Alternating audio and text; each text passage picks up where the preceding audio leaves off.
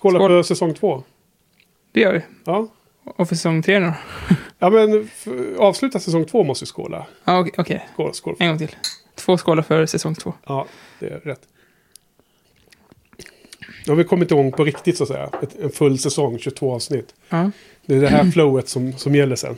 Det känns som att Buffy ger typ efterföljningar långt, långt efter. Och jag, det känns som att jag märker av liksom Buffy i serier som jag kollar i nu. Mm. Eh, säsong två tror jag Agent Carter har börjat gå nu. Ja. Och där är det så jättetydligt att det, det känns, det är som Joss mall fast det saknar helt själ liksom. Okej. De, de har tagit Joss mall, så här, det här gick hem med Joss Ja. se- serier.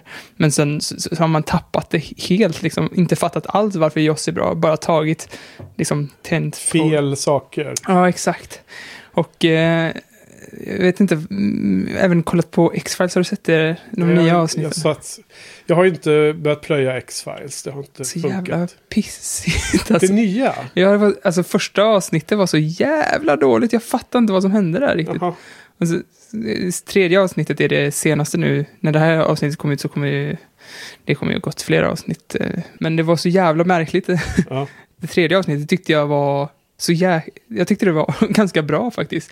För det var ett så här rent Monster of the Week och det var rent så här, nästan bara humor. Ja. Men samtidigt så tog det upp så här lite filosofiska tankar eller så. Ja, ja. Och det kändes väldigt mycket som Buffy. Eh, Men eh, hur har den nya X-Files tagits emot? ganska dåligt tror jag.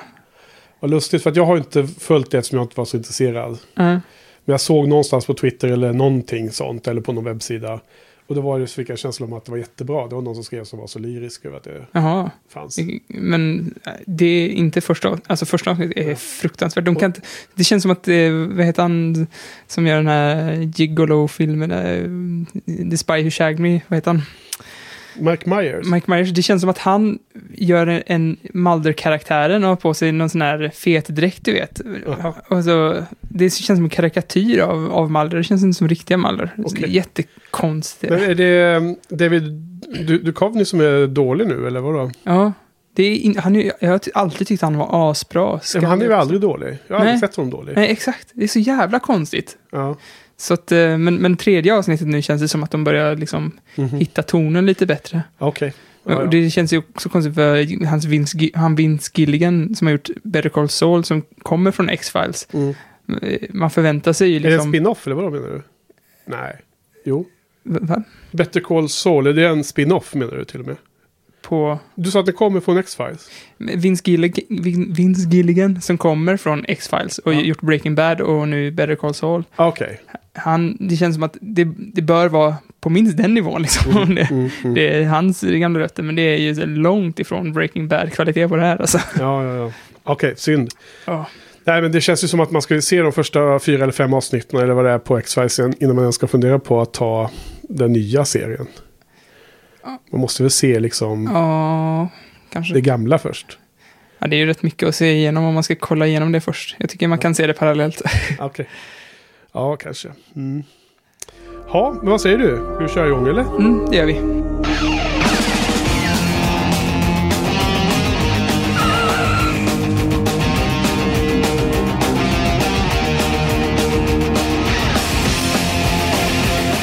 Ja, eh, välkommen till säsongsavslutningen av Buffy-podden.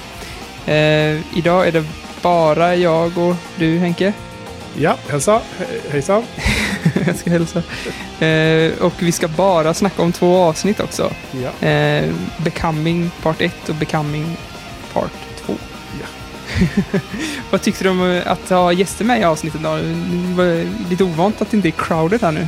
Ja, precis. Det känns ju lite tomt. Eh, Det var jättekul. Vi har ju haft inbjuden gäst här i podden två gånger i rad. Först Joel och sen Cecilia. Ja, Och eh, jäklar vilken eh, vad annorlunda det kändes att ha podden när man hade gäst. ja. Alltså, först Joel som kom in med jättemycket energi och massor med kuns- kunskaper om serien och han älskade liksom. Ja alltså vilka, vilka olika energier de hade sen. Alltså. Ja, och sen så fi- eh, Cecilia som kom in och hade eh, flera intressanta um, frågeställningar perspektiv som, jag, som vi annars inte har fått in så mycket sådana diskussioner i Ja. vårt snack. Ja, hon var väl förberedd alltså. Men Ja. de, de var ju förberedda på olika sätt. Joel var ju mer, han eh, var, han var ju liksom Buffy Wikipedia i princip. Ja. Medan Cecilia hade ju liksom förberett sig skitbra med massa bra ämnen. Och det liksom, jag tror det var, liksom, det var nog en bråkdel av allt hon hade med sig egentligen som vi pratade om. Ja, Vi hade nog kunnat sitta hela natten och prata med henne alltså. Ja, för hon sa ju någonting om att ja, men jag har några, någon, eh, en tes eller hon sa någon eh, tema som jag vill snacka lite om innan vi börjar prata om avsnitten. Då. Och jag tyckte ja men det är jättekul liksom. Jag tänkte Ja. att hon har väl något, någon liten eh, så här, spaning och någonting. Men hon hade ju jättemånga och eh, genomtänkta. Ja, verkligen. Ja. Och fick även med eh, saker som vi inte, som vi tar med oss till senare gäster också, det här med superhjältesnacket och det. Ja, som vi inte precis. riktigt eh, kunde avsluta ordentligt.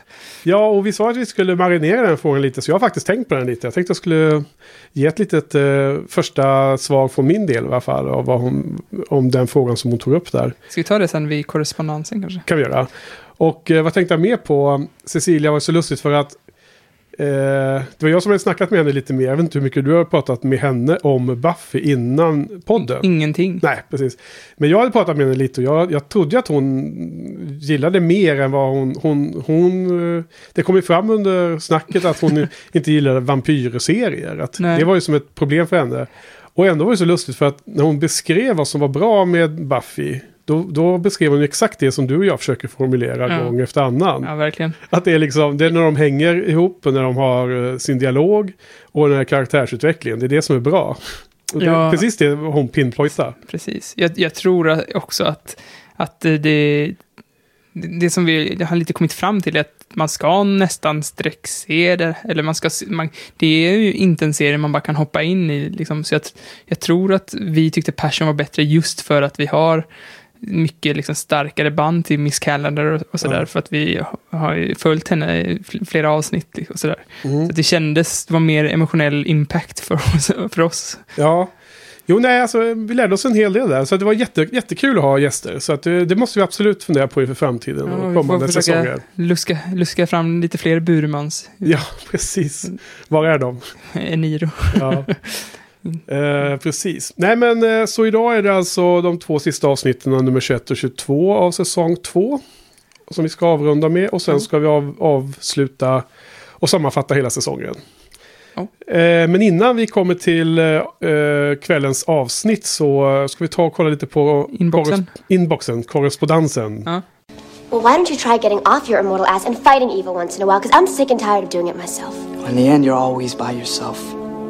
You're all you've got. That's the point. Sofia, som vanligt, har ju kommenterat och jämför, eh, jämför Buffy lite med Spiderman och får medhåll av, av Joel ganska mycket där. Ja, Det, det där kanske du kan passa in på att flika in din... Ja, men din det, det är precis på Cecilias eh, fråga där om, Ja. eh, om man skulle kunna ha en eh, manlig super... För första så frågade hon om, om vi tyckte att eh, Buffy var en superhjälte. Ja, precis. Och så pratade vi lite om det förra gången och sen så flikade hon också in då om vi trodde att man skulle kunna ha en manlig hjälte som likt Buffy var fragil och sårbar och inte heller så eh, överdrivet villig att hela tiden springa ut och rädda världen. Mm. Eller hur? Det var lite av det här. Hon, är, hon kunde också vara rädd och eh, till och med det här med att hon inte vill dö och sådana saker Ja. som framkommer väldigt tydligt. Och eh, vi skulle ju tänka på det lite och vi ska också skicka den frågan vidare till eventuella framtida gäster givetvis. Men Ja. jag har tänkt på den frågan, jag tyckte den var väldigt eh, bra. Och eh, dels har ju Sofia redan hjälpt mig att komma på det uppenbara som jag bara borde ha, ha tagit redan förra veckan. Och det är ju Ja. den obligatoriska Harry Potter-kopplingen som, som Sofia här nu har lyft. Då, då.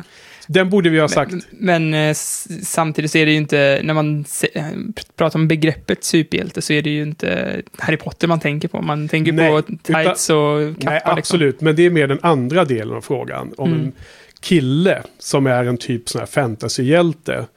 Den, det perspektivet var ju eh, Cecilia inne på också en del. Ja. Det här med, det, I det här fallet så är ju han ju Jo, men precis, men eftersom vi ovillig och pratar om... rädd och så Precis. vidare.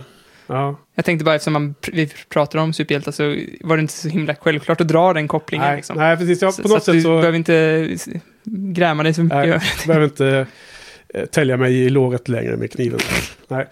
Nej, men den, den, eh, det var ju en eh, missed opportunity att, att få in. Vi, vi fick aldrig in Harry Potter förra avsnittet, va? Var det var det inte så? Vi, vi bröt någon lång trend där, tror jag. Ja, kanske det var så. Sen den andra är ju, som också är en lite mer referens till det som jag och Cecilia brukar prata om, i den här fantasy-serien, eh, Robert Jordans eh, bokserie The, Wheel of Time, tycker jag att en del av de huvudpersonerna också är motvilliga hjältar till slut. De är allt annat än den här som hon jämförde med Avengers och eh, Captain America som, som så att säga räddar världen med eh, ett stort leende hela tiden utan, utan några betänkligheter. Så att säga. Mm. Eller ja, Men, kort sammanfattat. Vad heter de här, den här jättestora blåa killen? Och, eh, Eh, I är- Avengers?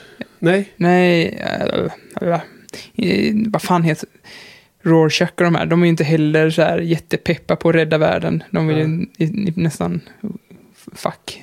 Ja. fuck människorna. Ja, ja, ja. Ehm, ja, det står still i huvudet på mig nu.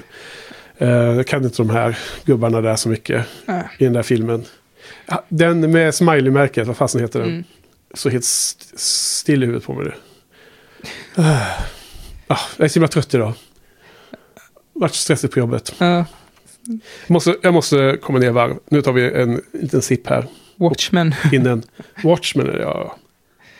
Den förresten är ju, finns väl i massa olika klippningar och sånt. Har du sett den? Eh, Det finns förlängd version det finns klippt på olika sätt och vis och så, eller? Är det det? Är det den? Kommer jag ihåg rätt? Ja, det är säkert sant. Jag har bara sett en version av den. Ja, okej. Ja, då skiter vi det. Åter till eh, inboxen. Ja, eh, Steffo, han tackar för tipset. Eh, vi pratade om att eh, han skulle få se, han, han borde se första avsnittet. Om man ska se något avsnitt ska han se första avsnittet. Ja, men det var ju som du sammanfattade alldeles nyss. Att eh, lärdomarna är väl att man kanske ska se serien i, i sträck ändå. Ja, även om det är, inte är lika bra så är, så är det väldigt bra payoff sen ändå när man har tagit det. Även om det inte är lika bra i varje enskilt steg så är liksom slutmålet på resan blir bättre Ja, på något sätt. verkligen. Någon konstig liknelse där som, som kändes helt uh, absurd när jag sa, den. Men ni förstår kanske. Ja. Och sen eh, kom, kommenterar Fredrik, att, eller han konfirmerar att Buffy eh, visst började sändas av TV4 första halvan av 2000. Så sent? Ja, men... Ja, vi har inte, vi har inte hittat det. Jag, jag googlar lite på eh, Buffy sändes i Sverige. eller, ja, alltså, jag när, också. när startade och så. Hittade bara massor med andra sidor om eh, reruns och mm, när det gick på kanal 5 och sådana saker. För det var ju efter. TV4 började ju. Så gick den Mm. vidare. Så jag har inte hittat den där datumet. Nej, inte, jag kollar också lite, jag har inte heller hittat. Vi får bara lita på Fredrik helt enkelt. Ja. Eh, Eller så har lita inte fel. på Joel. ja, precis. Joel är ju bara världens största Buffy-fan. Men vi, vi, vi väljer Fredrik istället. Det är bättre. Och sen den berömde Frans har kommenterat också. Wow! Yeah, jag har bara hört, så- jag har hört så mycket om honom. Ja, Men eh, han kommenterar betygsskalan. Men, den är härlig. alltså det är, jag vill bara poängtera, det är, det är inte en grej det här med betygsskalan. Är, Nej, men alltså, jag tycker egentligen det var lite olyckligt att vi inte valde typ en sexgradig skala eller något sånt där istället. tycker jag ju. ja, men jag är glad att vi valde 10 grader i alla fall. Ja. Så nu får du, det är ingenting vi ska prata om. Suck it up. Mm. Och sen, eh, Även om, Johan, även om vi har ju, eh, vi ska ju ha vår topp fem i, i senare ikväll. ja, Om några timmar. eh, de, de fem bästa avsnitten för säsongen. ja. Och nu är det lite lustigt för när man tittar på de betygen som jag själv har gett så är det ju inte liksom helt säkert att, att topp fem-listan blir helt stringent efter betygen. Därför att Nope. topp fem-listan blir ju mer en känslomässig sak när man tittar över alla avsnitten nu i efterhand. ja, precis. Och betygen har satts precis när man såg dem. Ja, men Och- det, Det är lite lustigt. precis. Så att eh, värdet av den där listan är ju ganska högt. Ja, ja jag håller med. Eh, sen har Jojje, eh, han höll ju med fel person där. Det var lite tråkigt. Eh, det var nog det sista kommentaren där. Ja, kry- kryptisk. Men vi kan uppmana alla lyssnare som nu undrar vad du menar att gå in på buffypodden.se och in på avsnittet. Förra avsnittet är Red Wedding. Och Ja. läsa de här. För det var en herrans massa kom kommentarer den här gången. Ja, det var ett stökigt eh, besöksrum. Ja, det var kul som attan. Men då går vi vidare till första avsnittet. Ja, Someone pulls out the sword, Someone worthy. the demon wakes up, and wackiness ensues. They will swallow the world and every creature living on this planet will go to hell. My friends, we're about to make history. And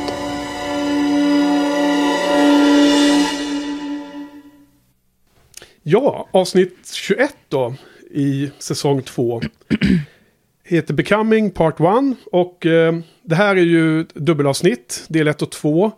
Och det, det, avsnitten hänger verkligen ihop, det är som ett Ja. långt avsnitt. Så jag tycker vi, för det första så pratar vi om det som ett avsnitt. Ja, det tycker jag. Och det är ett betyg och så. Och jag ska dra en liten eh, resumé, en liten kort, eh, om vad det handlar om för att sätta upp snacket om avsnittet. Och i det här fallet är det lite svårt för att det händer ju väldigt mycket i det här avsnittet. Det är väldigt intressant på många sätt och vis. Dels så får vi ju se ett antal flashbacks tillbaka i tiden. Ja, Eh, som är lite kul. Sådana historiska bilder från 1700-talet när Angel blir gjord till eh, vampyr av Darla. Vi får se från London 1860-talet när Angel i sin tur som vampyr då. Eh, får jag flika in en fråga där? ja. Är det samma person som spelar Darla som spelar Darla förut? ja, det är så underbart. Det Julie. Benz. För jag tyckte, jag tyckte knappt man fick se hennes ansikte där. Jo, jo, det är så. Hon är härlig. Cool. Hon kom tillbaka här eh, i gammal, i, så, och, i flashbacken då. Ja, Alltså, hon, hon är ju härlig tycker jag. Och jag har ju sett henne mycket mer i Dexter. Hon spelar ju Dexters fru. Jaha, just det, det har du sagt ja. Så det är där hon dyker upp och så där är hon ju med som, ett, som en full uh, huvudrollskaraktär. Då. ja. Men i alla fall, vi får ju se när Drusilla blir uh, gjord till vampyr av ehm, Angel. Eller jag tror inte man får se exakt den. Men man får se när han håller på att jävlas med henne i alla fall. Mm. I don't want to be an evil thing. hush, child. The Lord has a plan for all creatures. Even a devil child like you. The devil. Yes, you're a spawn of Satan. All the Hail Marys in the world aren't going to help. The Lord will use you and smite you down. He's like that. What can I do? Fulfill his plan, child. Be evil. Just give in. No. I want to be good. I want to be We all pure. do at first. World doesn't work that way. Och sen får vi se eh, när Angel som ett eh, levande vrak bara drar, drar omkring på, vad är det, 80-talet eller något sånt där lustigt. Eller om det är tidigt 90, nej 80-tal tror jag det är, i New York. Där han träffar på en god demon. Som blir hans mentor eller liknande och eh, börjar liksom hjälpa honom att om man nu ska leva med den här eh, bisarra ångesten över, eftersom han har fått sin själ då av, av, och fått den här besvärjelsen på sig, att han då håller på att gå under av eh, eh, kvalen han har. Ja. Och den här Whistler börjar hjälpa honom och säga att om, vi, om du börjar jobba för den goda sidan så, så, så underlättar det då, då. Så man får se massor med sådana tillbakablickar. Så man fick eh, fylla i lite historik i vad som hänt. Samtidigt så är det en stor dramatisk utveckling. Eh, eh, The Scooby Gang försöker fundera på, de har hittat Miss Calendars eh, översättning av besvärjelsen. Så de börjar planera att försöka återinföra Angels själ i honom. För att då få tillbaka honom som han var förut. Och samtidigt har ju Angel hittat en ytterligare en världens farligaste monster. Eh, en, en, eh, ett gammal demon som eh, om man frigör honom från sitt eh, fängelse där i någon sakrofag och han får eh, komma ut i, på jorden så krävs det bara ett enda stort andetag av honom. Och då kommer han öppna en, en eh, dörr in till helvetet och alla på jorden kommer att ramla ner i helvetet och, och alla demoner kommer upp hit. Typ. Så att eh, det, Angel håller, ah, eller Angelus håller på och smider ränker för att kunna eh, frigöra den här demonen och låta det här ske då. Alltså man, man känner ju verkligen ingenting till, för den där demonen med tanke på att vi har pratat om att det alltid är liksom världens farligaste monster. Ja. det, det blir bara värre och värre. It's over 9,000! Och det, det är över 9000 hela tiden på skalan där. What 9,000? Samtidigt så är det lite så här att jag tycker ändå i slutet av andra avsnittet när, när han... Alltså det hotet är ändå ganska väl beskrivet. Det är ganska, ganska väl etablerat. Jag, menar, jag, jag kände aldrig att The Judge, att jag kunde se framför mig att han och röja bland alla människorna på jorden och döda alla liksom. Eh, men, medan jag tycker att den här eh, vad som händer när den här demonen blir fri och när Angelus lyckas med det då. Det, då får man ändå att, då, är det, då känns det ändå på riktigt. Det är farligt för dem så att säga. Eh, Eh, så det här är ju setupen och ehm, det är ju den dramatiska twisten är ju att Buffy får ju veta på vägen och det är för övrigt den här Whistler, den här eh, nya demonen som vi har lärt känna som är god av någon anledning. I alla fall inte uttalat elak mot, dem, mot människorna. Som säger att om den här munnen öppnas eller om han gör den, tar det här andetaget så då kommer det här ske. Och då det enda som kan stoppa honom är att eh, av någon anledning då. Jo, att, att just det, vad dum jag. Att Angel som då har frigjort honom, att, att han dödas. Och genom den, den, att han dör kan han alltså stänga det här hålet. Till Vad- vad säger de helvetet. Ja, det säger de ju. Jaha. Angel's the key. His blood will open the door to hell. The Kathla opens his big mouth, creates a vortex. Then only Angel's blood will close it. One blow send them both back to hell. Så att den stora twisten i slutet, den, den extremt dramatiska svängningen är ju att precis när Buffy ska ta hand om Angelus för att förhindra att allt det här sker. Och hon är ju mycket väl medveten om att hon måste stoppa Angelus för alla, alla kosta vad det kosta vill då. Så håller ju Willow och kompisarna på att återinföra hans själ. Så att eh, det blir en, en, en, bis, en infernalisk timing i det hela. Nämligen att precis innan han återfår själen så öppnar han ju det, det, gör han ju att den här demonen kommer fri. Sen håller det här på att ske. Och sen lyckas Willows besvärjelse så han får tillbaka sin själ och blir god igen. Och då är det redan öppnat där bakom honom så att de måste... Eh, då, det enda sättet att stoppa det är att Buffy dödar honom då. Så flyger han in i hålet. Ja. Så, men vad tycker du om den sista scenen? Innan vi kommer till alla andra små grejer innan. Eh, eh, jag hade inte riktigt, jag tyckte det var så jävla dumt.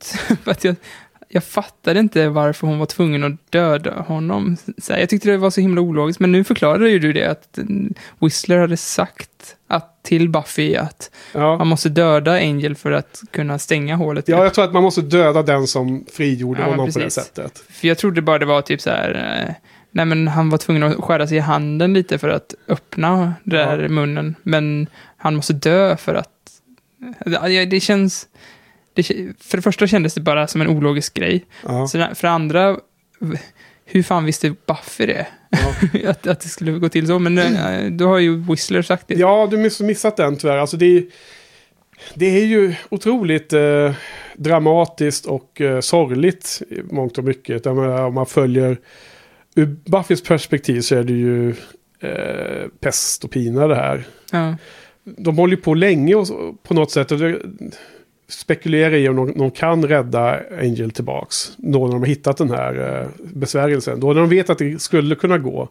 Men så, så misslyckas det i första försöket. Så då har de ju givit upp hoppet. Och sen lyckas de ändå. Och då, men det sker precis då när, när det är för sent. Och då måste hon ju... ja, hon ger honom en kyss först. Och sen så har, ber hon honom eh, sluta ögonen då. Det är ju fruktansvärt eh, deppig scen alltså. Men Det också, också så melodramisk ju. Och så visste jag ju också att det finns en serie som heter Angel.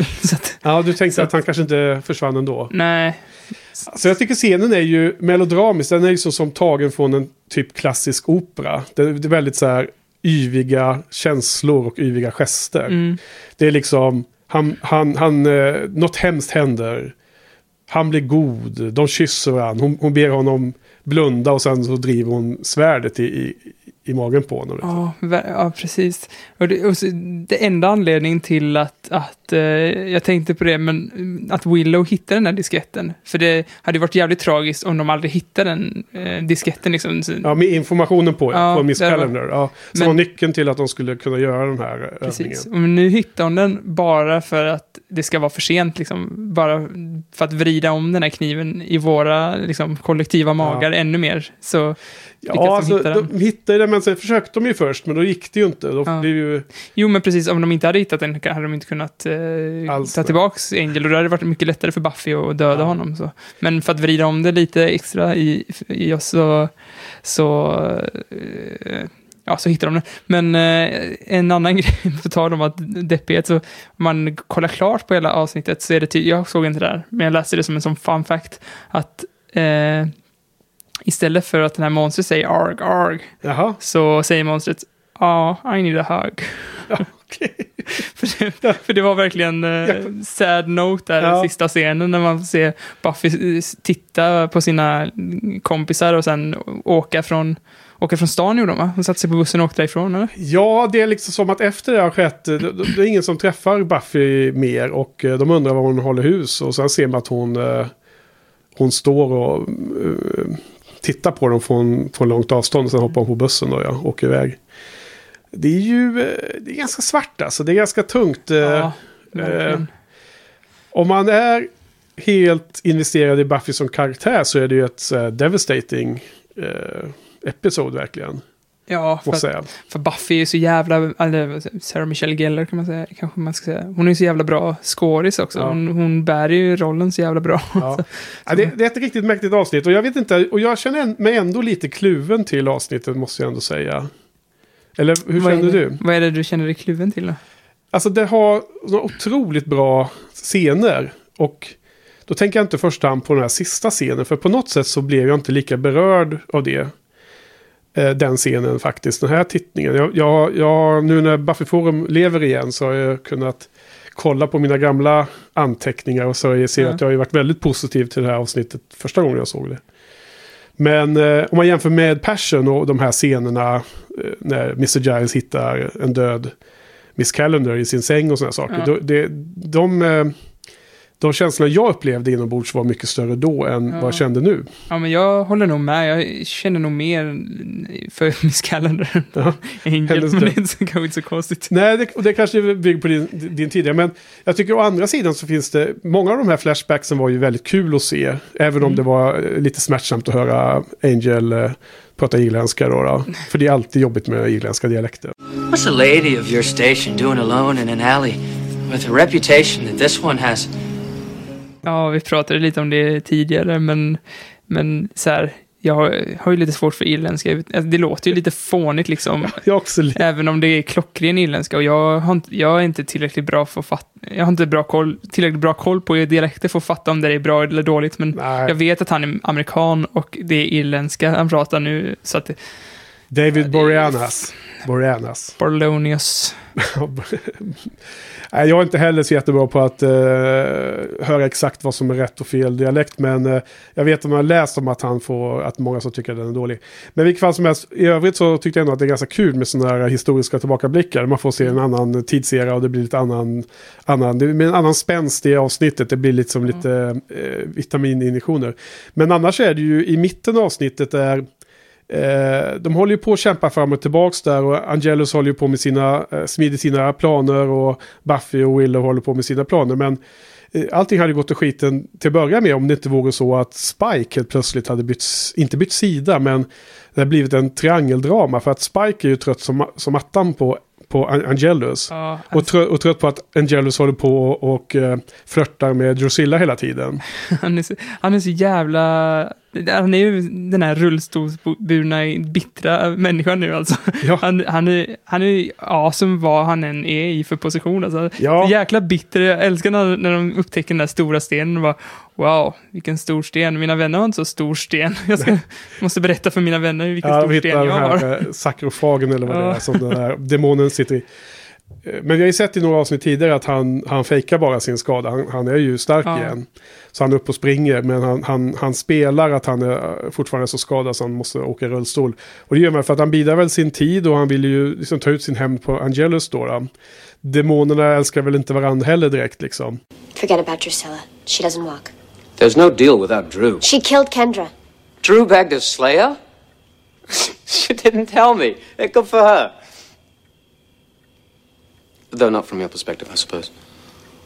Så att han hjälper ju Buffy och går in i en deal med henne att om Buffy gör sig av med Angelus så, så kan Spike och Drusilla få, få gå, liksom få, få dra iväg och, och överle- alltså leva och åka vidare till någon annan stad och härja. Ja. Och eh, då så, Buffy tror ju inte på honom, han är ju en vampyr och varför, varför skulle du hjälpa mig? Men då förklarar han det liksom att Angelus plan är att alla människor bara ska hamna i evig ångest i helvetet. Och eh, alla demoner bara ska komma upp på jorden. Och det vill inte Spike, för han tycker det är bra på jorden. Ja, han, han ser ju människorna som eh, vandrande Happy Meals. Ja, som han sa ja. Ja, men det finns, det finns också en, eh, precis därefter den scenen, så finns det en scen som påminner väl jättemycket om en Breaking Bad-scen. När, eh, har, du- du har sett Breaking Bad? Nej, jag har inte det. Okej, men där eh, i, eh, i slutet av säsongen så är det är så himla mörkt Breaking Bad. Så sjukt mörkt. Och Ja, men jag, alla- har- jag har också alltid tänkt att se den. Ja, Ja. Men, men jag ska inte spoila något. Nej. Men det, eh, huvudkaraktärerna sitter så här runt ett bord och alla hatar varandra, verkligen Ja. hatar varandra. Så sitter de och har så världens mest awkward konversation där Ja. runt middagsbordet. Och här är det så jävla roligt när Spike sitter med, tillsammans med Joyce, alltså Buffys mamma, och Ja. försöker hålla någon sån här casual eh, konversation och Buffy, Joyce bara, men har, har inte jag sett dig förut? Bara, jo, du slog mig i bakhuvudet Ja. med en wrench eller sånt där. School "Ja, Hard. just det." School Hard ja. ja. Det var precis den, den scenen jag skulle komma till. Att, eh, att det de scenerna som är i mitten av avsnittet, bland annat då när ja, Spike eh, kommer hem till Buffy och de... Buffy, just det, för jag ska slutföra bara det här för, för tittarna som inte har sett. Att Spike är ju en opportunist utav dess like. Han vill bara leva kvar på jorden så som det är nu. Han, han, han gillar Ma- Manchester United liksom. Det är ju inte bra att det försvinner tycker han ju. Säger ibland.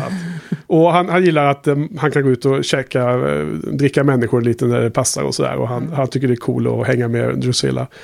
Så att det, är en, det är en lustig dynamik där då. Så att han, han, eh, de, de går ju bakom ryggen på Angelus. Så han, han hjälper ju Buffy sen att besegra vampyrnästet. Så att, Alltså, det är jätteroligt när han bara går all in och på att slå Angel. Där Ja. Han bara tar ut all sin frustration Ja. på honom som han har burit när han åkt runt i rullstolen. Där. han, är, han är stört skön. Och just den scenen då när de är hemma hos Buffy emellan, emellan akten där. Och eh, Buffy ska hämta någonting. Så att eh, hon, hon har inte sagt eller säger hon att han är vampyr eller inte? Jag kommer inte ihåg. Säger hon det? Eller för att Spike har ju aldrig på sig va vampyransiktet i alla fall när han träffar eh, Joyce. Joyce. Nej, men han hade väl det när hon slog till honom. Fast Ja, då var det mer Fast här det här är ju lite centralt. Skitsamma, men det är just den awkward-scenen när de ska, de sitter i köket och väntar på Buffy och de har liksom ingenting att prata om. Nej. Den är väldigt bra. Men jag vet inte, jag tycker att slutscenen ger... Alltså det är ju på... Tänker man på vad, det, vad, vad som händer så är det ju jätteintressant scen och viktig scen för serien. Men jag, jag reagerar ändå inte med, den här käns, med känslorna på det sättet. Och det har att göra mest med att när Angelus får tillbaka sin själ och blir Angel igen, får tillbaka sin mänskliga själ. Det, det, den besvärjelsen som utförs för andra gången av den här gången är det Willow. Då spelar ju David Boreanis den scenen så jäkla dåligt. Mm. Alltså det är så fruktansvärt dåligt. Jaha. Så det tar ju bort hela den emo- emotionella impacten för mig. Han är, alltså jag tycker han är bra. Ja, inte världen, han är inte jätte, jättebra, men han är helt klart duglig tycker jag. Och i många, många scener. Jag tycker han har blivit bättre och bättre faktiskt. Mm. Men Eh, och det var någon gång vi pratade om det också med Cecilia tror jag, så här, om någon scen som jag tyckte var mycket bättre. Du var inte lika förtjust. Men, men här är han så otroligt dålig. Jag fattar inte hur de har tänkt det. För att de måste ju, det, det är en stor del också hur hans karaktär skrivs. För han, han, han tappar ju minnet. Man får ju se, just det, en av de här historiska back, backflash, back, backflash som man får se. Får man också se när han får den här besvärjelsen på sig första gången. Vad som händer då är att han får ju sin själ tillbaks in i kroppen. Och då, då tappar han helt minnet av vad som har hänt. Det tar ett tag för honom att komma ihåg vad som hänt. Det, tar, det är ungefär som att han har blivit knockad och vaknat till liv och är desorienterad först ett tag. Mm. Och sen börjar ju eh, sanningen falla in, liksom, som, rinna in som ett vattenfall på honom. Och det är då han får värsta ångesten. Så förresten, det var en lustig grej. Cecilia frågade ju varför Angelus var så emot att bli Angel igen. Och jag sa någon to- tolkning om att de bara, demonen och människan var ju bara mot varandra. Men han vet ju själv hur otroligt hemskt det är att få tillbaka själen. För han får ju den här ångesten. Det är ju därför Alltså det, eh, det är därför han inte vill bli Angel igen. För han mår ju så himla dåligt. Ja, men precis. Alltså, om man är... Om man är... I, om man är... Ah, Ang- Angelus. Om man är vampyr, liksom, då, då har man ju bara allt att förlora. För då, man mår ju inte dåligt, liksom. Varför ska man sluta? Alltså, vi människor, vi, vi har ju värsta topp topp och dalarna, liksom. Ja. Men han har ju som bäst... Eh, så mår han jättebra och som sämst så mår han också ganska bra, liksom. Så att, Ja. så att han har ju mycket högre dalar som vampyr. Ja, precis. Jag vet inte om det är någon... Kan man göra någon liknelse till någon slags eh, mänskliga egenskaper? Att de är man jäkligt svinig och eh, jävlig egoistisk eller något sånt där. Ja, om man skär bort sina känslor, liksom, man stänger Ja, ute och- sina känslor. Om man är ett stort svin och gör massor med ondska i världen och sen börjar man liksom känna in vad man hållit på med och, och börja f- söka efter sin empati och Mm. försöka tänka på offren. Det är klart att det är ju bekymmersamt. Det är Ja. ju inte så roligt kanske. Ja. Oavsett vem man är.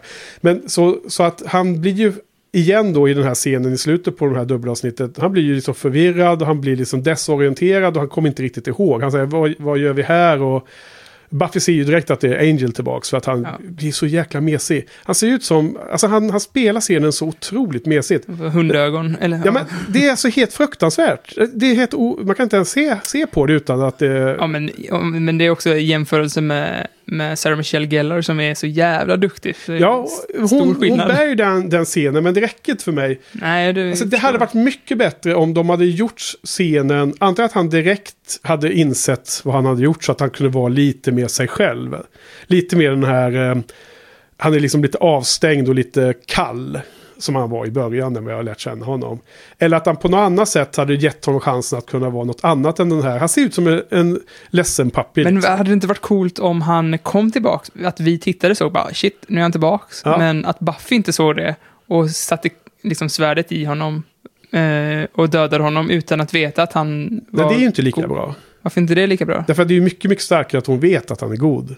Varför är det När hon, när hon dödar honom. Varför är det starkare för? Därför att om hon tror att han är ond, då är det inget speciellt svårt beslut att döda honom. Nej, beslutet är inte så svårt, men ångesten efteråt när hon får reda på att hon Ja, men jag, dödat... tror, jag, tror att hon, jag tror att hennes ångest syntes i ansiktet ändå. Att hon till och med visste att han, att han var god när hon gjorde det. Ja, det var ju uppenbart att ju visste. hans, men det, det, det men jag, jag, jag tänkte nog att det var lite liksom, ologiskt nästan att hon dödade honom.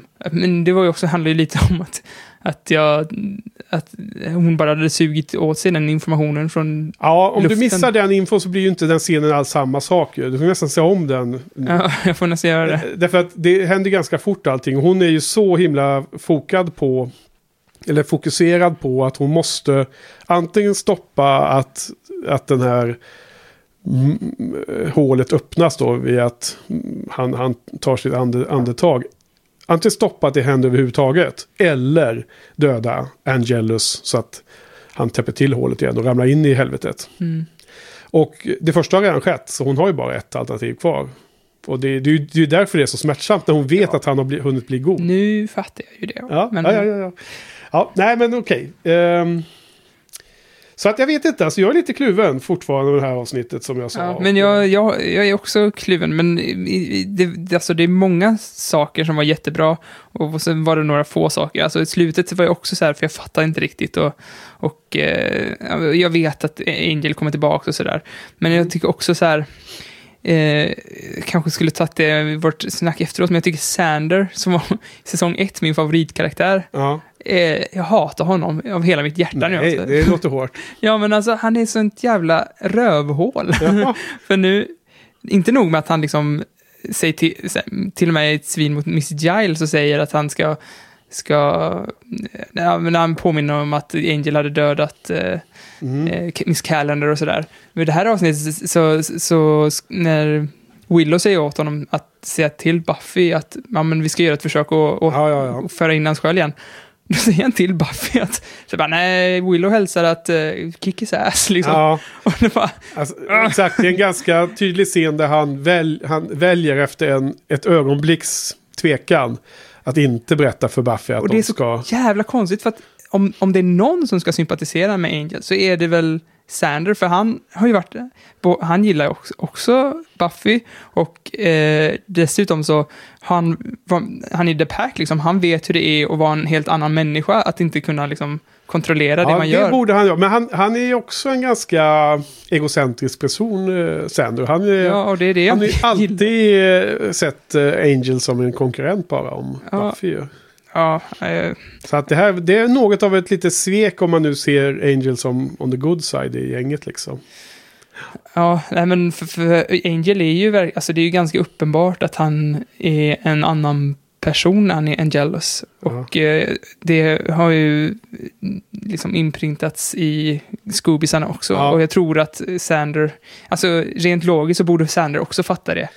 Ja, precis. Men han, han är ett svin där i den scenen, helt klart. Ja, och han har blivit, jag tycker han har blivit mer och mer osympatisk för varje, Ja. och här kulmerade med det jävla svineriet. Ja, Jag har ju, inte, jag har ju aldrig varit någon stor fan. Alltså det har aldrig varit favoriten då, även om jag inte har eh, lika starka anti-känslor som du säger nu. Och å andra sidan så har ju Willow lyft så, för varje avsnitt. Kan hon lyfta mer hos dig? ja, men verkligen. Ja, Eh, För hon har ju mm, vuxit som en karaktär och då, och då är det inte så här att hon, hennes karaktär har liksom förändrats utan den har utvecklats. ja, ja. Hon, hon utnyttjar den här gulligheten hon har Mm. till att vara en stark ledare liksom. ja. En, hon, hon är inte stark ledare genom att vända på sin personlighet och vara hård, utan hon är en bra ledare samtidigt som hon är charmig. Men hon charmar när hon säger vad är det, “This is my resolve fa- face”. Ja. Och hon ser ju alltid bara gullig ut liksom. Det Ja. hon, inte, hon, hon är Men- inte bestämd ut för eh, fem öre. Jag, jag tror att du har sett lite av, av en utveckling som, som, som, som Willow har. Och jag tror att det var Men kanske... Jag vet att hon kommer bli, alltså det här med, eh, jag vet inte ifall jag, vi ska ju inte spoila Nej. efter det, men jag, du vet vi, hon vi, kommer bi, utvecklas. vi kan bi, bi, bipa där. Men jag Nej, vet, men ja, ja, jag vet vad du ska säga. Ja, ja, ja precis. Ja. Men alltså, nu gjorde Johan en eh, liten tyst charad till mig. Och, eh, så så du, du är spoilad på framtiden, men hon kommer ju utvecklas som alla karaktärer i den här långa serien. Och, och jag tror att jag kanske tyckte att hon var, du vet jag nämnde flera gånger att hon var för gullig. Ja. Det var nog att jag liksom, som jag har sett serien, har liksom en delvis en mer komplex bild av henne i mitt huvud. Och sen när jag kommer tillbaka till tidiga avsnitt i serien, då hade hon inte den här komplexa, djupa karaktären, utan då var hon bara gullig. Ja. Så jag reagerar ju då lite omedvetet bara som att nu är hon för gullig. För jag såg liksom inte det andra. Var var det någonstans? Så att, det är lustigt att du säger att hon utvecklas på det sättet. Nej, men jag eh, får återkomma till, bara avsluta här med att eh, Angel då ramlar in i hålet ner i helvetet. Vad innebär det då? Det är inte så farligt för en demon. Men det, det har ju beskrivits väldigt tydligt av Mr. Giles vem det är, vad som händer då om man kommer in där. Om alla åker in i det där helveteshålet. Och det är ju något fruktansvärt eh, eländigt. Jag kommer inte ihåg exakt hur de uttrycker det, men jag kommer ihåg att jag bara tänkte att oh, bra. Och han ramlar in där som med sin mänskliga själ i sig. Den har ju precis återinförts. Och så får, sen blir han ju liksom eh, dräpt av, av eh, han blir ju knivad av, eh, av Buffy och ramlar in där ju. Mm. Man ser ju hans ansiktsuttryck. Det är, det är ju ganska bra dock. Man ser ju liksom den här förvåningen, eh, besvikelsen eller den här liksom överraskningen över att bli liksom få ett svärd i magen av, av Buffy när de stod och kysstes just liksom. Och han faller in i det hålet. Och han är ju en delvis människa som kommer in till den här platsen där det skulle vara så otroligt dåligt för människorna. Så det är en dålig deal för honom det här, minst sagt. Ehm, vad tänkte jag mer på? En annan sak som händer i mitten av det här, för det är ju dubbelavsnitt så det händer ju en hel del. Det är ju Kendra kommer ju tillbaks. Ja. Hennes, eh, hennes eh, Watcher har ju, eh, ja de har upptäckt att det är något väldigt dåligt på gång. Så hon dyker upp i mm, Sunnydale och eh, inställer sig för, eh, för liksom duty tillsammans med Buffy. Och eh, det är ju, tycker jag, lite kul eh, åter att hon dyker upp igen. Men hon blir inte så långvarig. Hon blir ju slaktad av eh, Ja. Drusilla. Men där har jag också en grej som jag tyckte var lite dåligt med avsnittet. För eh, när hon blir dödad där, Ja. det ser ut som hon blir riven på, på, på halsen bara. Det är liksom inget Ja, alltså först så har hon ju sin favoritsteak. Ihåg? Hon hade ju döpt, Mr Pointy. ja, Mr. Pointy. Hon hade döpt sina steaks till någonting. Ja. Så hon hade ju en väldigt gammaldags liten uh, pinnbit där som väldigt vass. Pin, eh, pointy. Ja. Och den lånar nu till Buffy. Buffy blir ju lurad som vanligt. Hon blir ju utlockad av Angel. Angelus.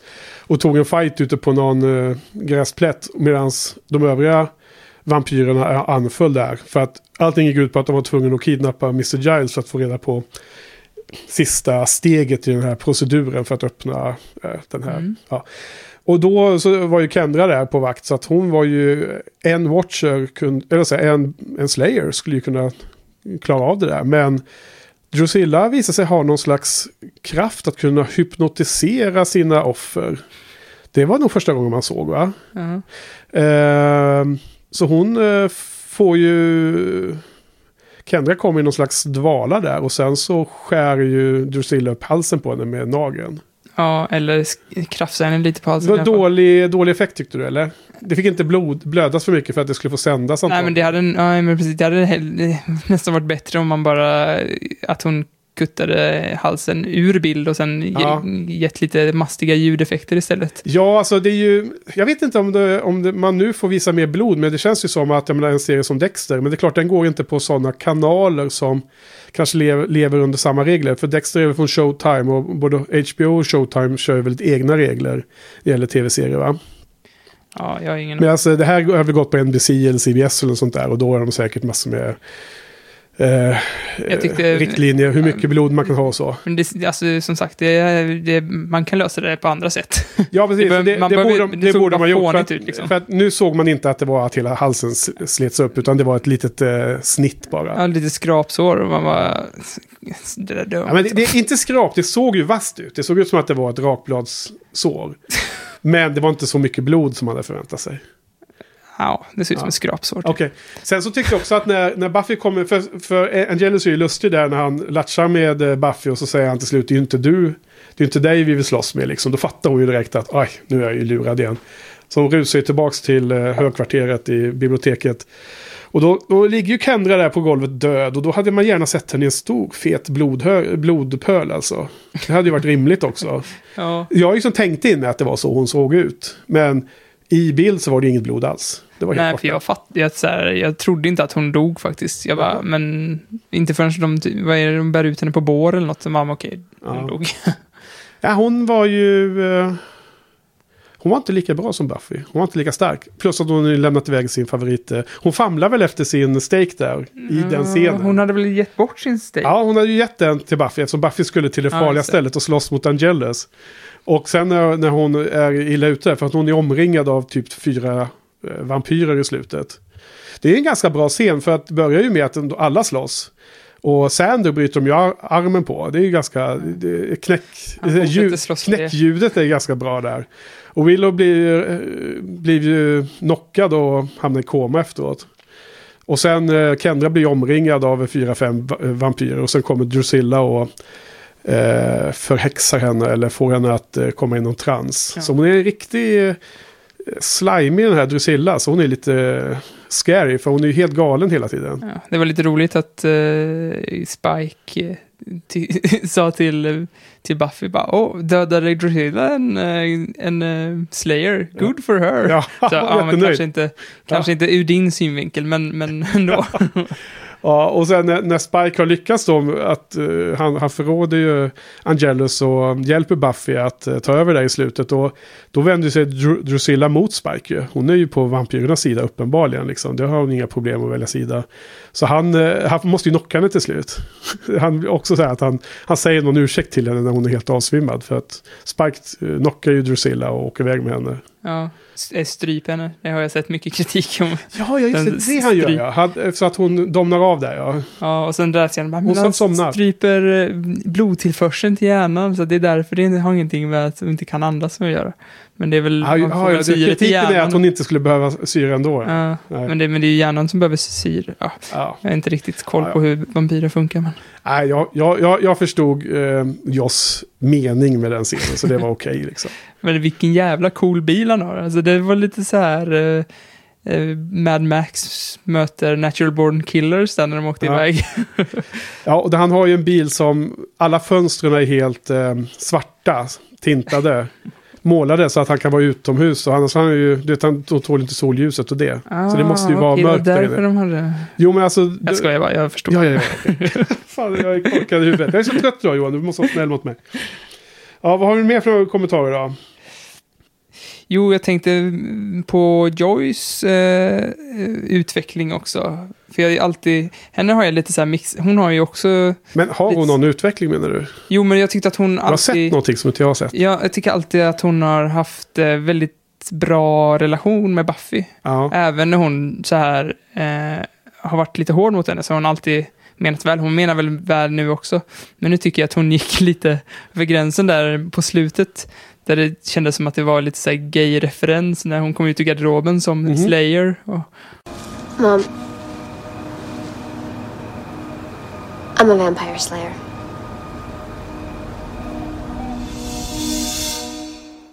hon Ja. säger “Have you tried not being a slayer?” Ja, ja. Och eh, hon har ju liksom sett, och, och Buffy förklarar, men du har ju sett alla tecknen, du har ju tvättat mina blodiga kläder, hur kan du inte ha märkt något liksom? Ja. Och det är så jävla klockrent liksom, men, och kommentar och, eh, men Joyce bara reagerar eh, på ett sätt kanske naturligt, men oh, det är jävligt irriterande att hon bara, om du går härifrån nu så, så behöver du inte komma tillbaks. ja. Och, eh, och Buffy tar i liksom med våld för att komma loss från henne. Och, Det är ganska klassiskt sådär, "Åh, om du går ut ur den här dörren så får du inte komma tillbaka till hemmet. Ja. ja. Det är alltid sån där, eh, som man har sett många gånger, det är liksom någon bångstyrig tonåring som måste göra någonting.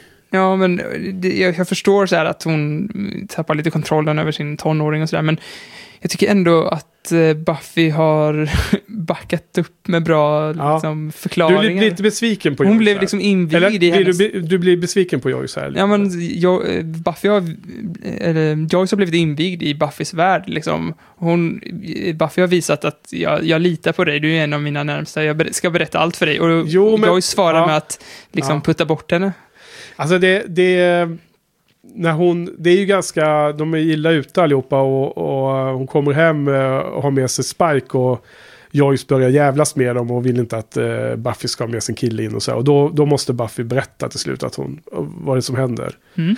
Och det, jag tycker ändå att man kan köpa scenen ganska väl. Att det, det är mycket att ta in för Joyce. Hon, hon fattar inte det och det, det tar tid att behandla den informationen.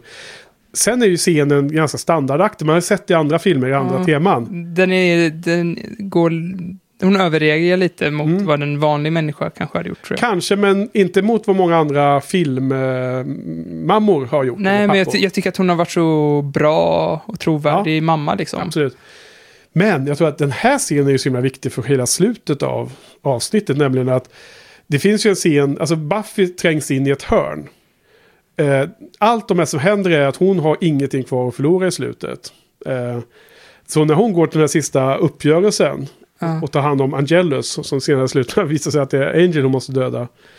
Eh, då, då säger ju hon till och med någonting om att I have nothing else to lose. Säger hon. Med, medan den jag- här jag- Whistler Ja. säger one more thing. Något sånt där. Det är ganska ödesdigert. Ja. Men, men jag... Ja, nu fattar jag det där one more thing också. Att, för det är ju som Angel hon kan förlora också. ja. Då. Men eh, eh, det, jag, tycker, jag tror att den scenen hade kunnat få samma, liksom, ut, alltså att de mm, bråkar och mm, liksom separerar Ja. På ett annat sätt. Ja, ja, än, just, just när hon öppnar upp sig för sin mamma, för jag tycker att Ja. det, det är fel sak att, att bli arg på, att ens tonåring eh, berättar om sitt liv. Liksom. Ja, nej, men jag, jag förstår lite vad du är ute efter. Jag tycker ändå att till exempel som hon hade sagt det i en scen där som var i eh, Passion när de sitter uppe på hennes rum. Och Mm. mamman eh, är hypad över att de, hon har ju fått veta att Buffy har haft... Om hon då eh, i det förtroliga eh, tonläget berättat om det, då tror jag mamman hade tagit emot den informationen Ja. annorlunda. I den här scenen så kommer Buffy hemrusande med en okänd man, som Spike är ju mer vuxen. Och Joyce börjar säga att han får inte komma med in. Och sen väldigt snabbt så bara börjar Buffy berätta om något helt orimligt i Joyce-öron. Så att det är inte liksom i den här förtroliga stämningen, utan det är mer som att Buffy säger något, något annat nytt information bara, bara för att få sin vilja fram. Jag tror att det blir lite taggande ut med en gång för att hon fattar inte riktigt vad det handlar om ens. Därför så, jag, jag tänker att, jag, jag, jag, jag, när jag såg scenen nu, jag ska bara säga Johan, jag tänkte att det vore så himla bra om bara Buffy bad Spike att ta på sig sitt gameface. Ta på sig, alltså ta fram eh, varulvsansiktet.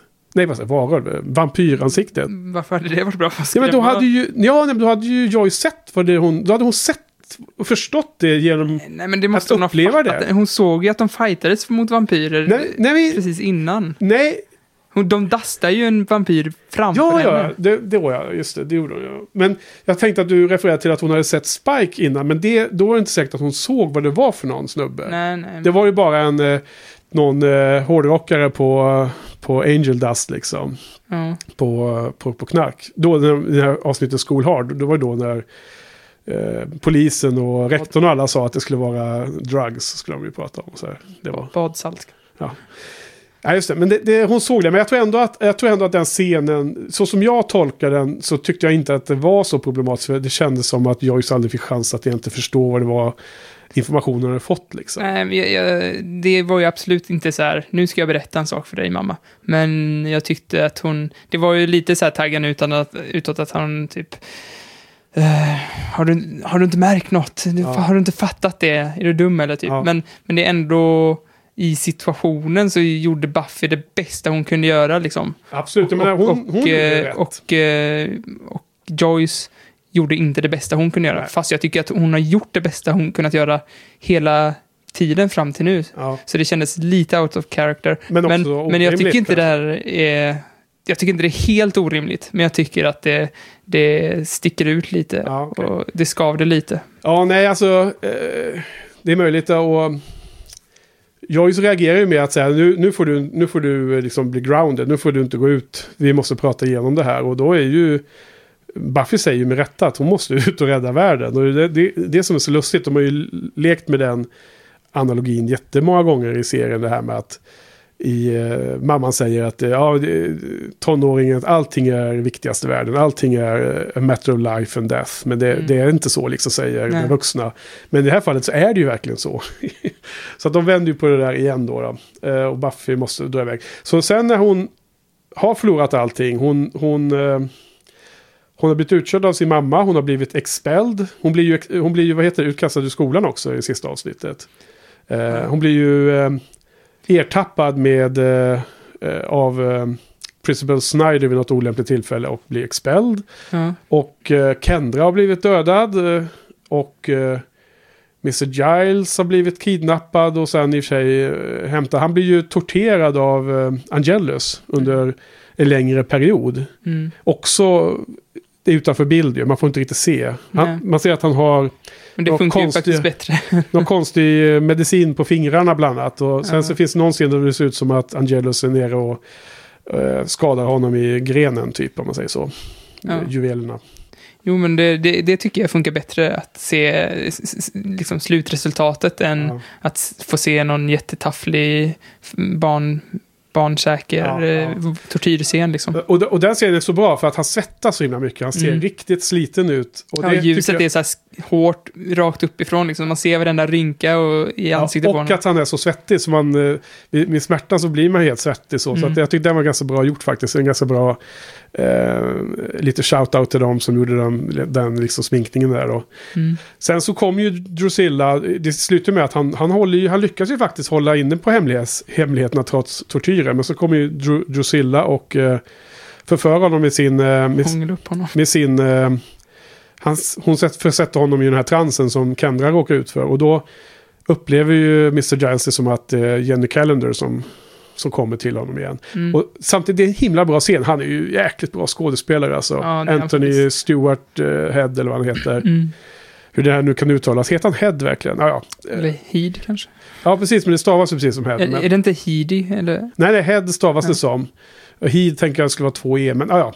Han spelar väldigt bra i den scenen för man ser, jag, jag, jag tycker mig för, förnimmas av att man ser att han förstår att det inte är Miss Calendar. Men att han ändå spelar med därför att det, det är så skönt att hon kom Aha. tillbaks. Han vill vara. det så gärna. Och han säger ju till och med, han mumlar ju till och med om att det, det är inte sant. Liksom. Och ändå så, när hon frågar om den här sista informationsbiten som de behöver så säger han ju det bara. Mm. Motvilligt liksom. Nej, den- är väldigt, den scenen är väldigt komplex. Så att jag tycker det här avsnittet är riktigt bra, men jag stör mig på att i slutet är en jäkla stö- smörig musik också i den här sista scenen. Den Just, är, det inte den där alltså. pianoslingan som har gått? Är det inte den? Eh, nej, men jag tror att det är, nej, något det, det, annat det är nästan så här eh, 80-tals smör. Eh, Ja. eh, nästan som eh, Jag tror... schlagersmörmusik liksom. Ja, jag jag tror att du har kanske har byggt upp större förväntningar inför den scenen. För att jag tyckte, jag, så här, jag har skrivit upp massa, alltså jag tycker det här är ett skitbra avsnitt. Jag stämmer Ja. på mig själv att jag bara har skrivit upp det jag tyckte var dåligt med avsnittet. Men eh, den sista scenen där tyckte jag var, var ja, det var lite störigt att jag visste att Angel skulle bli, alltså komma tillbaka igen. Ja, hur kommer han tillbaka då? Eh, Spekulation, fram, framtiden. Eh, jag tror att Willow hittar en diskett där han kan återinföra själen i hans döda kropp. Jo, jo, ja, men, ja, ja, men det händer ju nu ja. Men Nej, ville- nu är det hans levande vampyrkropp. Nu, eh, hon ska ja. hitta en diskett där hon kan återinföra Okej, hans döda kropp. jag trodde att du menade den här när de återförde själen. Eh, att du skojade lite. Men vad jag menar, hur kommer han tillbaka från helvetet? De kanske kan, eh, kan kasta någon slags magisk lasso ner där och fira upp honom. Ja. ja, jag, är jag är lite fassig runt minnena där. Jag kommer faktiskt inte ihåg exakt hur det sker.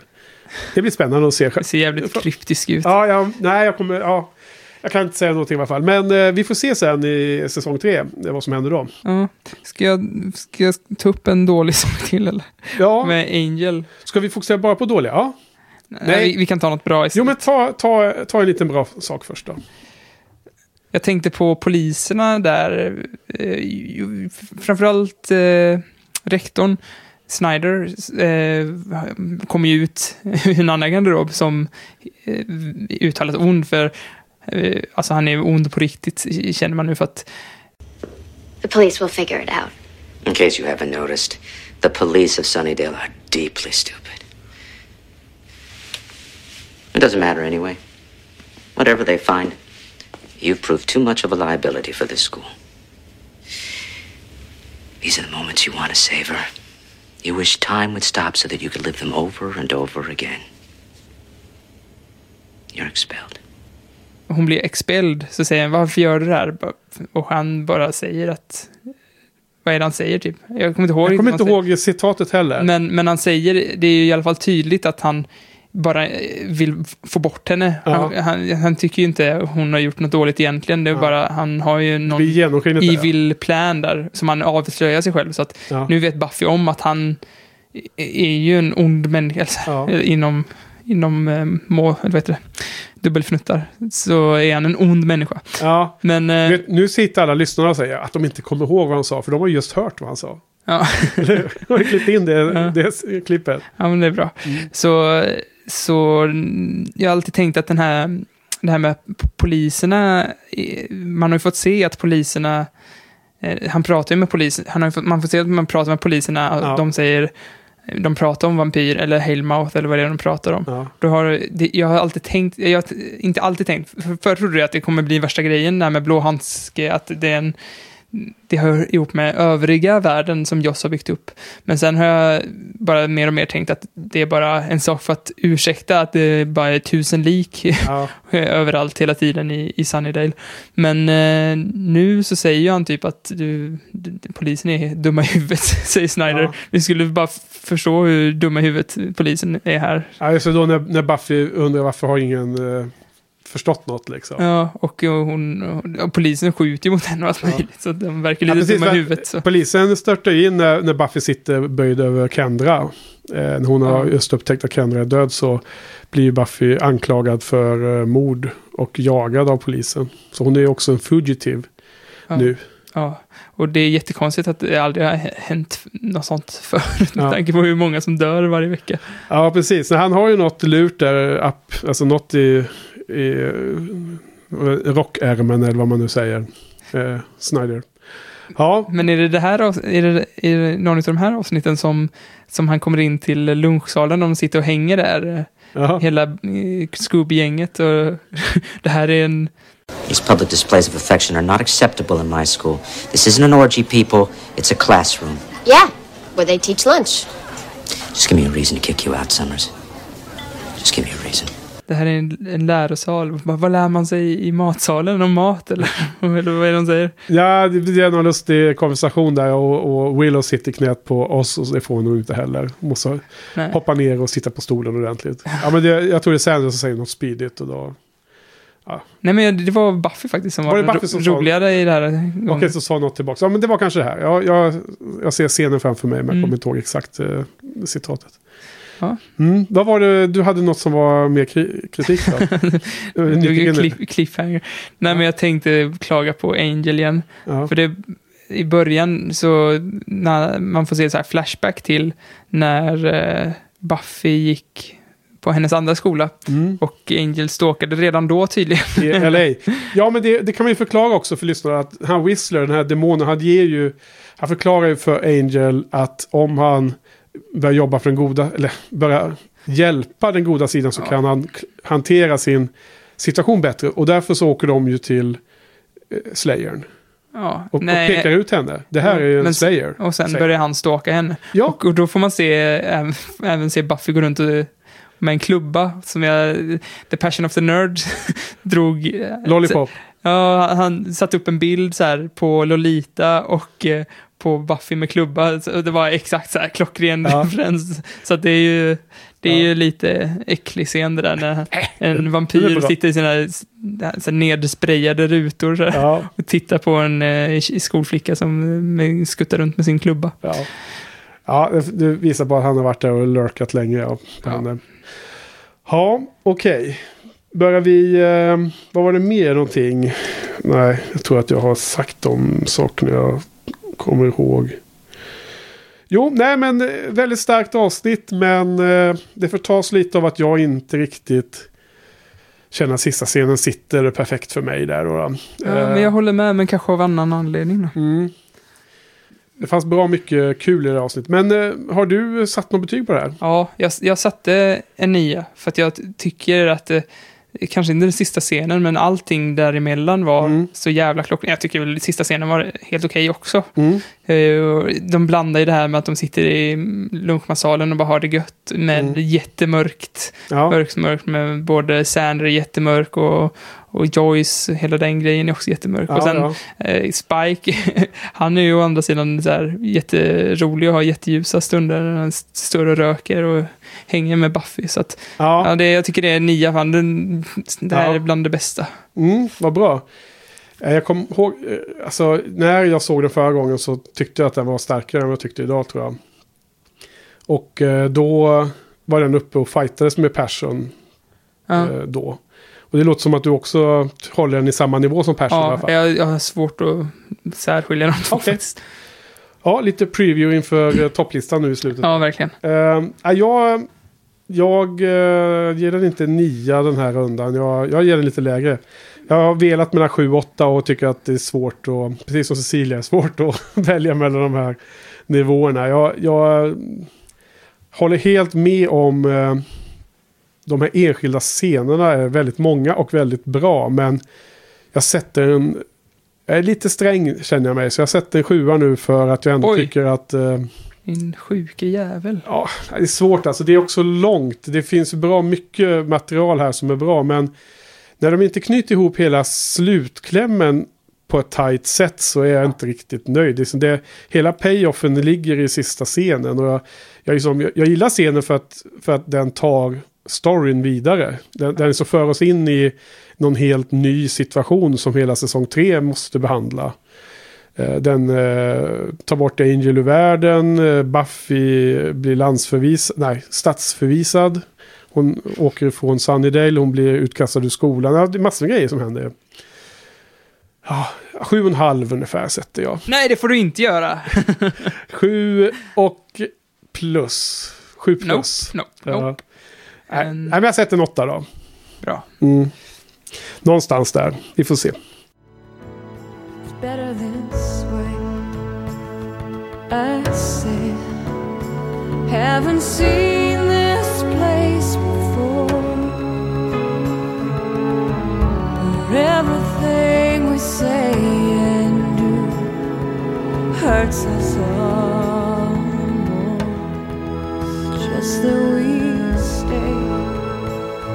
too long in the same old sickly skin. Ska vi gå vidare till vår topplista nu eller ska vi? Nej, men först så tänkte jag bara höra lite, vad tyckte du eh, om säsong två som helhet? Alltså mer, eh, inte topplist... Eh, Nej eh, perspektivet utan mer eh, tyckte att det var någon speciell feeling och hade någon speciell eh, tema eller vad, ja, som förstagångstittare. Vad tyckte du? Eh, både, jag tycker att både eh, kvalitetsmässigt så har det, det har ju vuxit ifrån det här B, det här liksom en B-filmsparodin, eller Ja, vad man ska kalla det, som det var i första säsongen. Och sen har det blivit väldigt, väldigt, väldigt mycket mörkare för varje, varje kanonavsnitt i alla fall. ja, Sen har det ju varit några okanon som inte varit så jättemörka, men, men alla eh, avsnitt som eh, har varit i kanon har ju bara blivit mörkare och mörkare och mörkare. Och mörkare. ja. Eller eh, de, de som har tillhört den stora bågen, kanske man ska säga. Story arc. Ja. Ja. Eh, och det, och det, alltså jävlar vad många avsnitt det har varit. Jag, när vi jag skulle göra topplistan och kolla tillbaks på alla avsnitt som- har varit. Jag, jag kan inte, te- jag kan liksom, svårt att tänka mig att Ted, det avsnittet, har varit till säsong två. Det känns så himla länge sedan och det känns Ja. verkligen som så här säsong ett. Så det känns ju verkligen... I stil också. Och Ted var ändå mitt i den här säsongen. Exakt i mitten, nummer Ja, 11. precis. Och, jag, och det, våra avsnitt, när vi har pratat, de har ju bara blivit längre och längre. Ja. Och jag skulle fortsätta liksom att ha lika mycket innehåll och ha eh, lika många avsnitt som nu säsong två var, då kommer det ju... Alltså vi kommer ju få sitta här hur länge som helst och snacka varje, varje Ja, vecka. menar du att vi skulle ta färre episoder per podcastavsnitt för att det är så mycket att prata om? Ja, men precis. Ja, Får se men då, blir. då blir det, går det ut över att vi inte kan se så många. Då kan vi inte se serien så snabbt som det också var en fördel. Det var inte ett förslag, Nej, utan nej. det var bara så här konstaterande att Ja, det absolut. kommer Nej, bli jag- jag- väldigt mycket att snacka om eh, i Ja. kommande avsnitt. Ja, Jag håller med. Alltså jag, jag tog det inte som ett förslag. Jag bara ville liksom eh, belysa konsekvensen i så fall. Att det, det är den trade-offen ja. man skulle levt med då. Nej, jag, jag tror att eh, vi ska fortsätta med fyra. För det, det, det känns som väldigt bra tempo i hur man vill se serien. Fyra avsnitt Mm. per vecka. Speciellt när man sen spenderar en kväll, en hel kväll med att podda om den. Mm. Eh, annars kanske man skulle klä, kunna klämt sex eller något sånt där avsnitt. Vad vet jag. Men eh, nej, vi får väl bara bli bättre på att kanske sållra mellan vilka avsnitt vi ska prata mycket om. Men eh, jag håller med om att kvaliteten höjs ju. Och det var ju skönt. Yes! För jag menar, jag pratade om det under säsong ett hela tiden kändes Jo. det som. Men samtidigt så var det ju ett ganska lågt tempo där i början och det är några så här avsnitt som ändå känns som filleravsnitt, även om Ja, så här, men framförallt sen- tidigt va? ja, Eller? Men till, till exempel till exempel det här avsnittet med Blue Lagoon, Ja, Go Fish. Go Fish ja. Alltså de är ju så himla eh, filler-ish liksom. Ja, ja, ja. De känns inte... Men, eh, men... ehm, Det känns bara som de fyllt ut säsongen för att det ska vara ett visst antal avsnitt Ja. liksom. Ja, nej, men jag håller helt med om att det, det har blivit bättre och det har blivit mörkare. Och båda de sakerna jublar man ju åt. Men om man börjar närma sig topp, din topp fem-lista då, då. Alltså personligen när jag tittar över eh, säsongens episodlista. Då fick jag ungefär 8-9 avsnitt av de här 22 som jag kände. De här kan vara med på topp fem. Mm. Hade du, hur många hade du som du tyckte var Eh, starka kandidater? Det kändes som att jag mer hade så här eh, händelser som jag ville få med. För när jag läste avsnittsnamnen fick jag verkligen sit- sitta och tänka på vad fan hände i det här avsnittet. Ja, ja. Däremot så hade jag så här, den här händelsen måste typ vara med Mm, i min topplista. Den här Ja. händelsen måste vara med i min topplista. Det är därför jag tror att jag, eh, precis som du, alltså att eh, betyget på avsnittet kanske inte matchar min topplista så jäkla Nej, bra. För nej. att det är mer det som har liksom fäst sig starkast i mig som jag kommer ha med på min topplista tror jag. Ja. Eh, precis, men ska vi, eh, ska vi avsluta, eller börja avsluta med sista segmentet då, att eh, prata lite om eh, våra topp 5-listor från säsong 2. Mm. Let's do it man. Ska vi börja nerifrån? Vi börjar nerifrån och eh, vi tar en var. Mm. Femman, fyran, så uppåt. Men du, nu är det ju, nu är det ju skarpt läge. Nu ska vi prata om vår lista. Sa vi Det alltså. här är viktigt för dig alltså. Nej men jag är inte, jag är inte klar med listan. Jag måste ju sätta de sista platserna. Så jag måste ju få en sekund här. Titta här nu då. Uh, fasen är det jag ska ha egentligen? Eh, ja, men då får jag väl... Uh, jag får väl kasta om det på det sättet då. Uh, Okej, då... Men du. Erkänn att du höjde upp eh, Becoming. Ja. Mycket möjligt. En- Men alltså, jag vill nämna några eh, bubblare. De som är precis utanför topp 5. Eller Ja. det kan vi avsluta med. Har du några bubblare också? Eller? Eh, ja, det kanske jag har. Ja, men eh, det kan vi säga i slutet. Mm. Det, det är roligare att börja med Ja. listan. Eh, ska du köra först eller jag? Kör du. Okej, jag börjar. Då ska jag säga min plats fem då. då. Och då är det det avsnittet som är nummer tre, School Hard.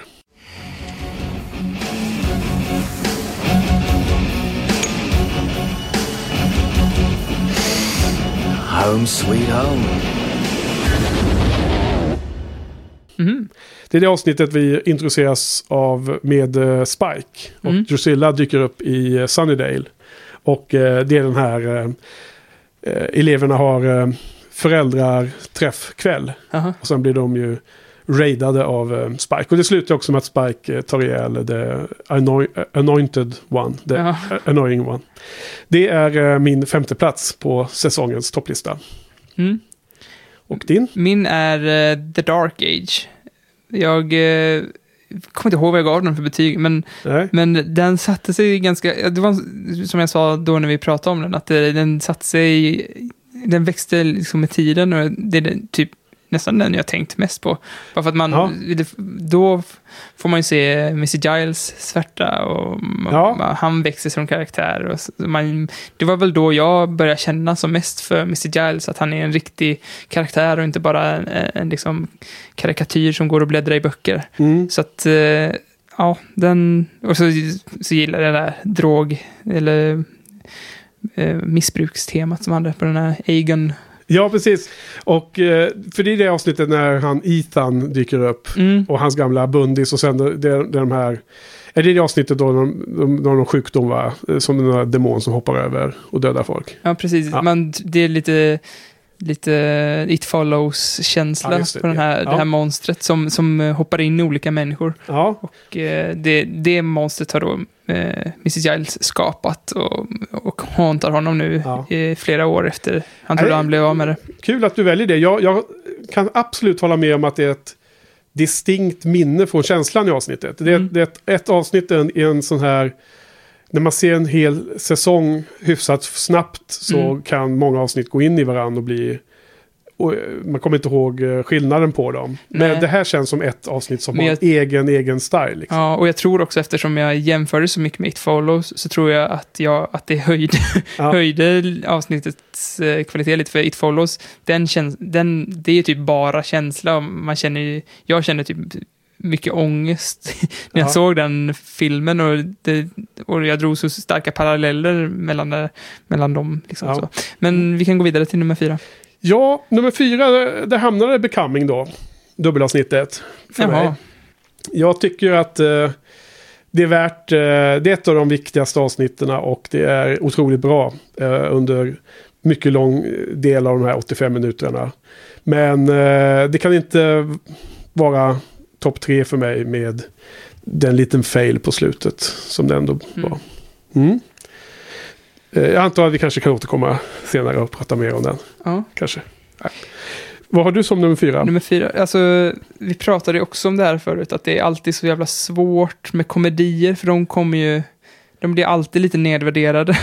alltså Ja. filmer pratade vi om då, men i det här fallet så lyfte jag upp ett av de roligaste avsnitten, Ja. som inte alls var mörkt, eller det var ju, temat var det kanske lite mörkt, men det var ju bara roligt att kolla på. Det var Bewitched, Bothered and Bewildered. Ja.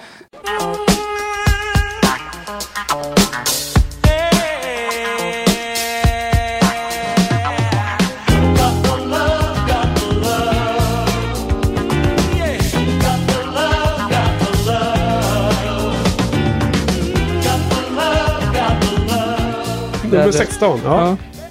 Ja. Så där, eh, där det är någon eh, kärleksspel som går fel. ja, just det. Det var väl inte så länge sedan vi pratade om den. Nej. Men jag tyckte det var, det var sånt jävla tempo. Jag blev överraskad hela tiden och det var, det var bara roligt att kolla på. Ja, de lekte med karaktärerna och sådär. ja. Så det var en frisk fläkt i Buffy.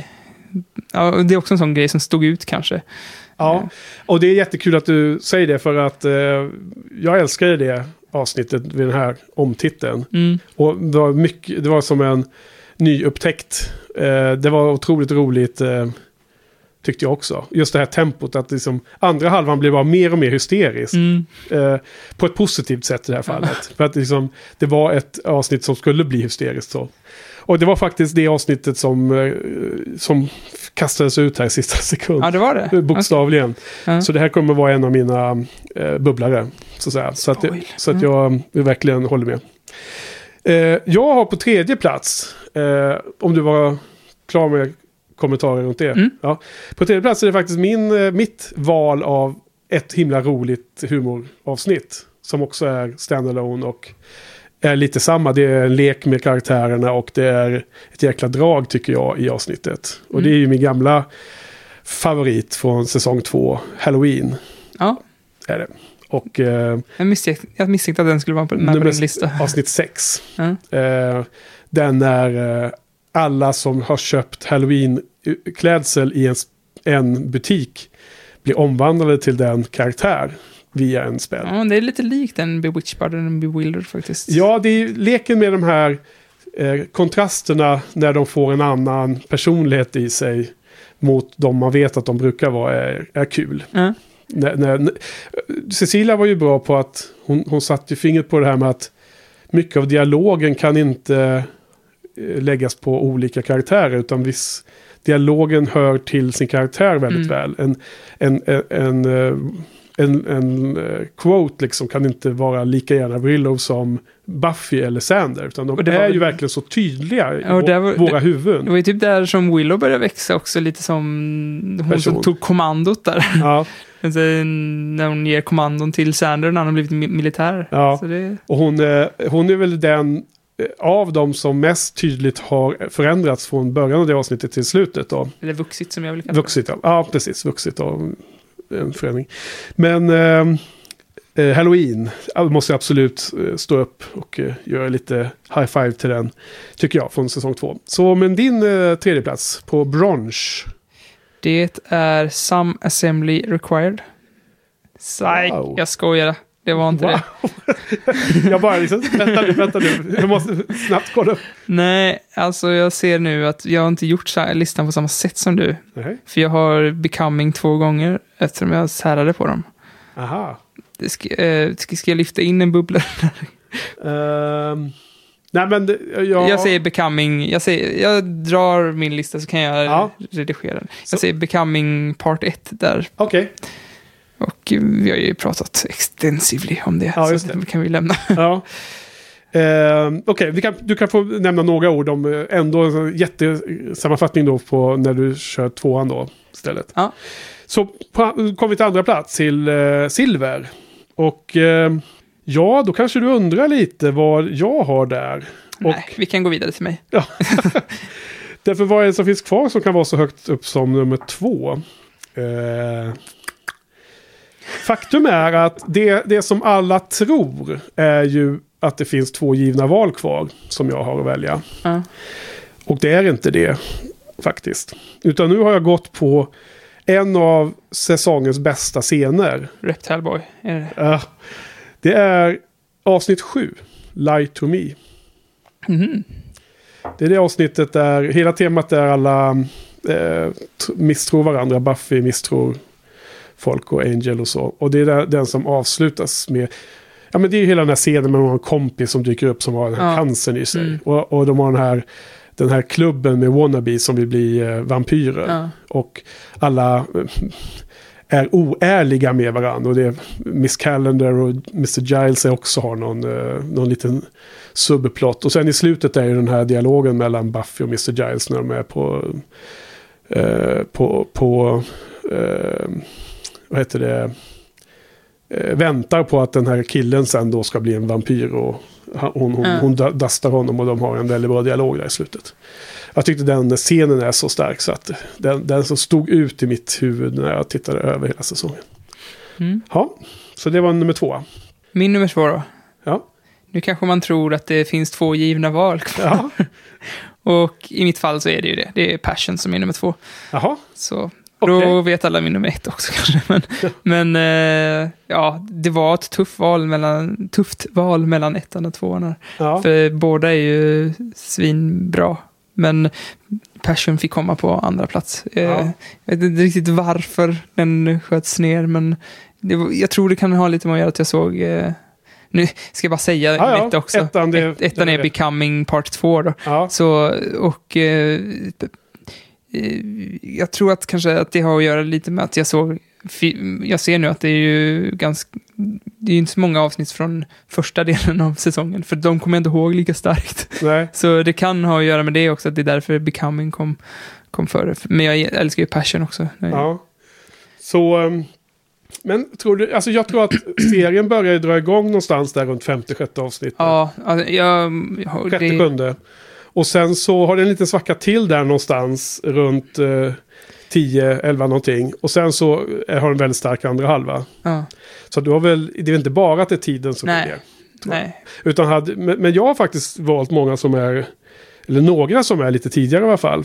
Eh, så, att, så att det är inte 100% så första Nej. halvan, andra halvan. Nej, och det, och det, det känns också som att Buffy är en av de här lite tidiga, de var tidiga med att sätta den här standarden att en hel säsong är uppbyggd som en film med olika Ja. akter och det här är ju sista akten liksom och Ja. den är ju den är ju, det händer ju mest i sista akten. Ja. Allt, i, all, Men jag, jag, jag måste säga att jag tycker att min, nu när vi pratar om det så tycker jag att min upplevelse av din respons till serien har också stärkts under säsongen. Så jag tycker det känns naturligt att du säger att de avsnitten är bättre i dina ja, ögon. bra. Ja.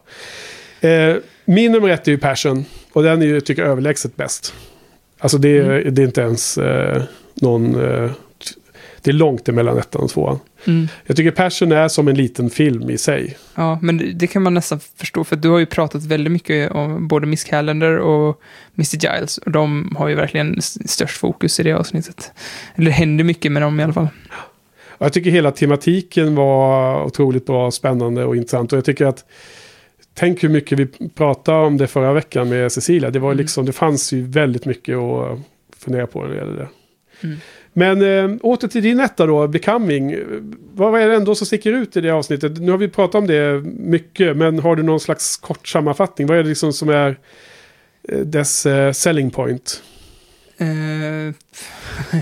Eller, Vad- menar, ser du att det är de här humordelarna eller ser du att det är eh, dram dramatiskt? Eller vad är det? Hur, hur, är mörkret i slutet där eller vad är det?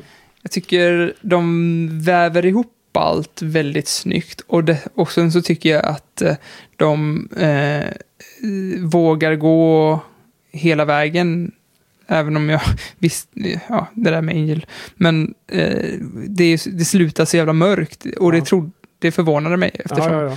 Jag kommer ihåg ett avsnitt eh, när jag trodde att Miss Calendar skulle dö. Och nästan blev lite besviken att de sa, vågar de inte gå hela vägen? Nej. Sen några avsnitt senare så går de hela vägen liksom. ja, och sen Och- fortsätter de gå och i det- samma riktning. På det grisigaste sättet. Och, och jag vet att du har sagt att det blir mörkt, men jag har liksom inte tänkt att det skulle bli så här mörkt.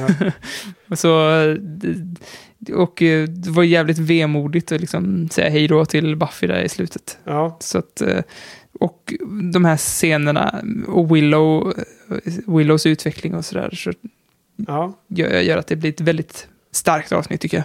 Ja, det är så lustigt för jag håller ju med om allt det där. Och, och, och ändå så känner jag att, eh, att den, den, den, är med, med på topp fem. Och, och, och, det känns verkligen solid nu när jag gjorde den här sista switchen i sista sekund. Men eh, den är inte uppe på nummer ett för mig på det samma sätt. Mm. Men eh, det är ju jättebra eh, betyg åt säsongen att den slutar på en sån eh, uppåt-note och att du verkar ju klart peppad på... Jag menar nu är det lite synd att det är ett helt år innan de ska visa säsong tre ju, eller hur? Ja, det- Måste vi sitta och vänta Ja.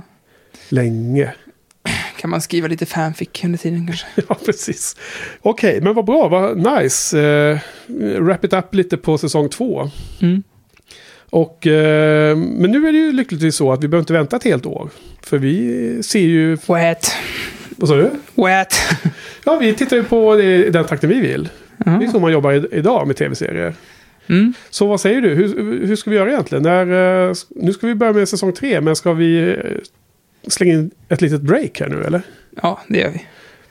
Hur länge då? Två veckor. Två veckor. Ja. Så vi, vi kommer ut nu på måndag Mm. och sen två veckor paus och sen Mm. måndag igen Mm. därefter. Så då, då har Jojje och ni som följer podcasten utan att ha sett serien chans att se ikapp. Ja, se ikapp. Slipper ni tjafsa emot mig utan att veta någonting. Eh, Ja, han var ju så stenhård där, Jojan. hade ju helt rätt.